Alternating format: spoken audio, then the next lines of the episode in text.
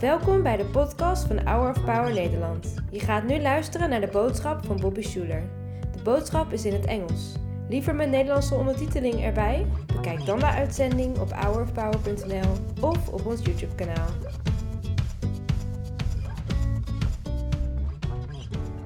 Let's say this together. I'm not what I do. I'm not what I have. I'm not what people say about me. I am the beloved of God. It's who I am. No one can take it from me. I don't have to worry. I don't have to hurry. I can trust my friend Jesus and share his love with my neighbor. Thanks. You can be seated. First thing I want to do is I want to encourage you today to not throw away your tomorrow. This is something my grandpa taught a lot. Here's something we want to talk about today. Don't throw away an amazing tomorrow for an average today. This is something that most people are doing today. Most people have before them an amazing tomorrow. They have before them an amazing dream, an amazing calling, an amazing book, an amazing business, an amazing ministry, an amazing family, an amazing life, but they throw it away for an average today.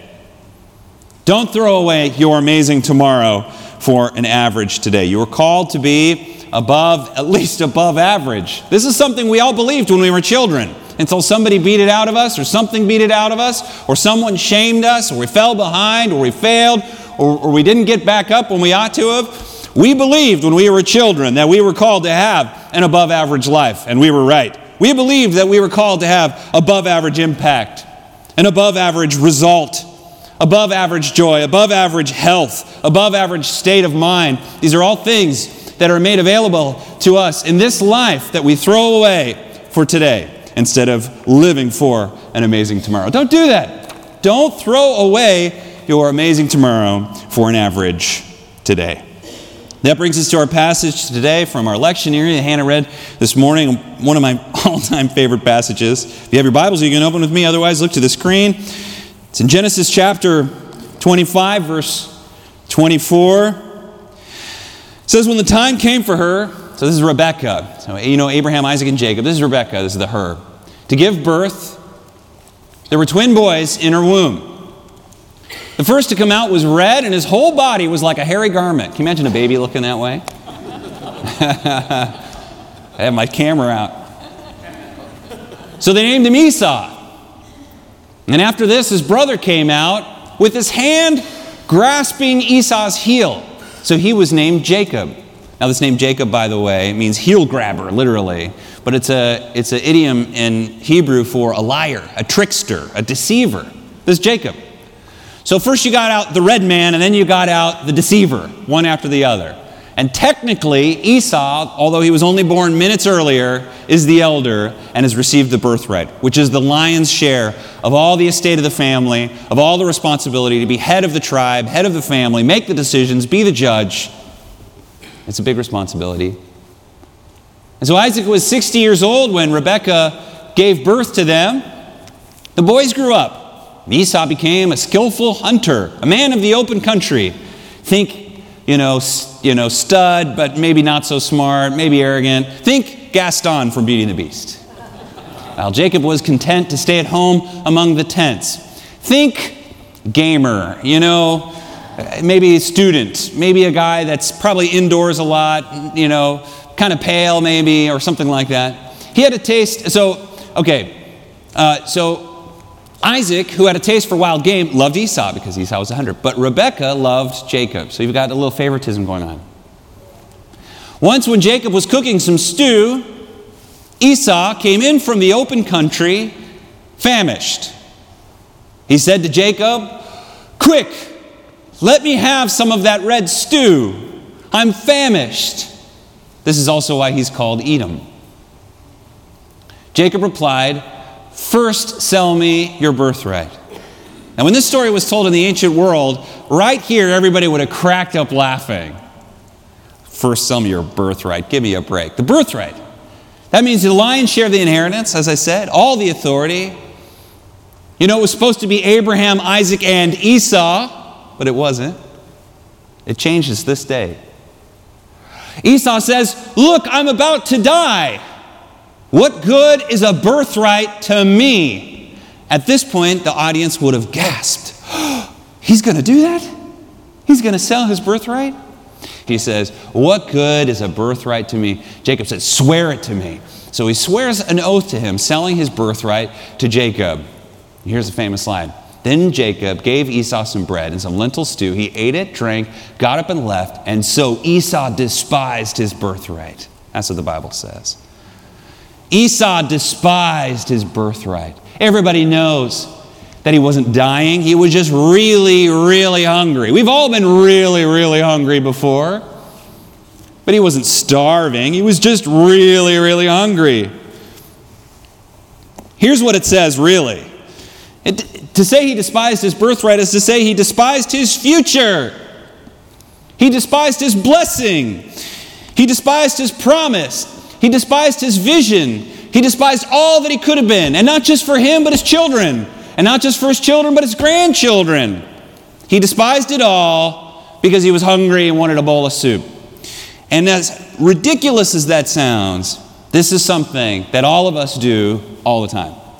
You have a birthright, you know. You have a birthright. There's a goal that God has given you, there's a dream God's placed in your heart, but it comes with a price. There's a person you've been called to, you've called to become. There's a life that you've been called to live. You know, in your heart, many of you, you, you maybe aren't there yet. You want to be there. You have the dream in your heart. Get serious. Claim the life you were called to have. Take it seriously. It's life and death. You've been given life, live it, grab it, become it. Paul says to us, do not conform any longer to the pattern of this world. What is the pattern of this world? It's average. What is the pattern of this world? It's laziness. What is the pattern of this world? It's lack of faith. What is the pattern of this world? It's, it's revenge and pettiness and don't be conformed to the pattern of this world. Be transformed. How? By the renewing of your mind. Your life changes when you get a new mind. Your life changes when you think different thoughts. Your life changes when you understand that the way you think is a choice. Your life changes when you decide that your mind is something that can be trained if you give it a little bit of effort every day. I'm not asking for legalism. I'm not asking for you to beat yourself up. I'm saying this because I love you. The life you want comes when you become a bigger person. You want a bigger life? Become a bigger person. And here's how you become more you live a life with God.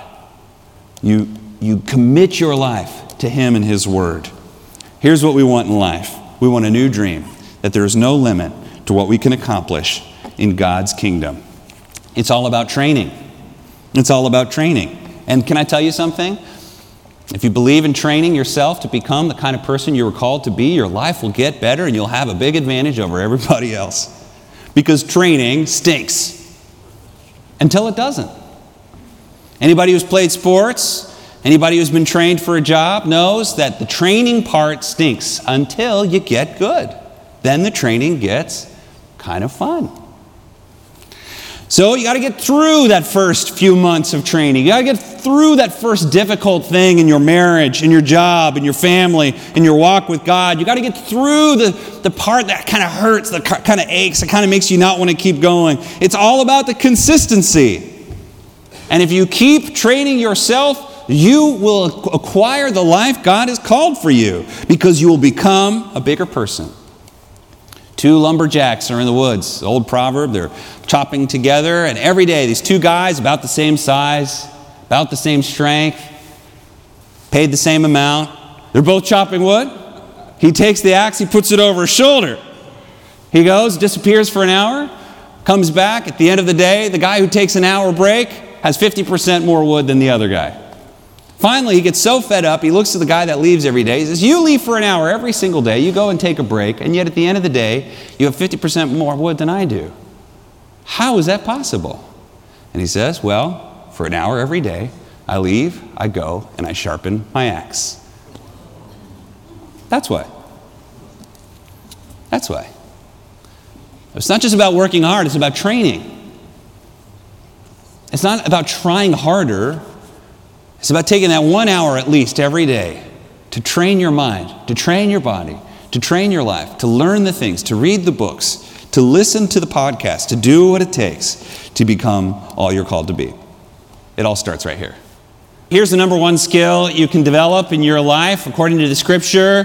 Here's the number one thing you can do to completely turn your life around. Here's the number one thing you can do to open your life to answered prayers and to miracles and to abundance. Learn to love people. That's not the answer you thought I was going to give, is it? Jesus tells us in John chapter 15 if you abide in me and if you obey my commands, ask the Father anything you want, and he'll give it to you. And here's my command love one another the way I've loved you. Did you catch that? Listen to what he says. If you obey what I tell you right now, Ask the Father for anything, and He'll give it to you. Here's what I'm telling you to do love one another. That's not just that's not it. The way I loved you. You say, "Oh, I love people." Well, do you love people the way Jesus loves you? Let me ask you, do you love your boss the way Jesus loves you? Do you love your colleagues the way Jesus loves you? Do you love your spouse? Do you love your enemies the way Jesus loves you? Do you love your political competitors and rivals the way Jesus loves you? Do you love annoying people the way Jesus loves you? And you say, well, maybe not on, you know, Wednesdays. Wednesdays are hard. Look, my friend, it's a skill. We don't love people by trying harder. Love happens by having a brand new heart. And a brand new heart happens through the baptism of the Spirit. A brand new heart comes from training. A brand new heart comes from being a disciple. So to love people is a skill. It's something you can study. Literally, it's something you can Google. It's something you can improve at. Can I just tell you that this is true in every aspect of life? A leader who loves their team can ask their team anything and they'll do it for them. Isn't that the truth? It's true in the military, isn't it? A company who asks their who loves their customers and asks them to leave a you know a thing on Yelp or whatever, their customers will do it. Citizens who love their countries, teachers who love their students, teachers who love their students can ask most of their students, most, and they'll do it. When we learn to love people, we open up our world to abundance. It's just how it is. Here's something you can do every single day that will get you one step closer to the above average life the amazing life God's called you to. Jesus gives us a formula. Here's something you do every day. It's just say this to yourself Ask and it shall be given to you, seek and you shall find, knock and the door will be open to you. If you memorize that passage, your life will change. If you just do what it says. Number one, ask. Ask. You have not because you ask not. Have you asked your wife? Have you asked your boss? Have you asked your neighbor? And most importantly, have you asked God? Amazing how often we want something or need something in life, but we never pray about it. We never just say it out loud and say, God, I want this thing. God, I need this thing. Here's what prayer does prayer forces you to say your goals and say your worries out loud. Here's what prayer does it confirms to God that at least just a little part of you still believes in Him If you're not asking God, you probably don't really believe that much that He's really going to make a difference in your life. Ask Him. But don't just ask. Ask and then what? Ask and you shall receive, and then sit around and it'll come to you. Think about it a lot and it'll arrive. No! Ask and you'll be given to you. Seek and you will find. Here's a question for you How much time do you commit every day looking for opportunity? How much time? So you've asked God for something, go look for it. You've asked God for something, go searching for it. Go find the signs, go find the knowledge, go find the data, go find the person, go find the door. Go find what you're looking for. Spend a little time every day looking for what you prayed for. Most of us, we, if we pray, we stop seeking. We're just like, okay, God's unfaithful. I asked, but nothing happened. You got to ask. Ask will be given to you. Seek and you will find. Then what? Then what? Knock. Knock. Do something. Take action. You asked for a door. You went looking for a door. You discovered the door. And you walked away. You went looking for a door. You found a door, but you didn't. Knock. Knock. Knock on the door. Knock, knock, knock. Say, well, I knocked on the door, nobody answered. You know what Jesus says? When you knock and nobody answers, keep knocking. Even if you're knocking on the door of an evil person just because they want to go back to bed, they'll get up and they'll answer the door. That's what he says. He says, You knock at three in the morning. If you go to the unjust judge, he'll give you what you want. Knock. If you knock on enough doors, eventually one will open, my friend. So this is what you do ask, I'm going to ask the Lord. Seek, go looking for it, knock, and the door will be open. Do not throw away your amazing tomorrow for an average today. Today we ask, today we seek, today we knock. In Jesus' name, amen. And now the Lord bless you and keep you. The Lord make his face to shine upon you and be gracious unto you. The Lord lift his countenance upon you and give you his peace. In the name of the Father, and of the Son, and of the Holy Spirit. Amen. Bedankt voor het luisteren naar de podcast van deze week. We hopen dat deze boodschap jou heeft bemoedigd. Wil je meer weten over Hour of Power of dagelijkse bemoedigingen ontvangen? Ga dan naar www.hourofpower.nl.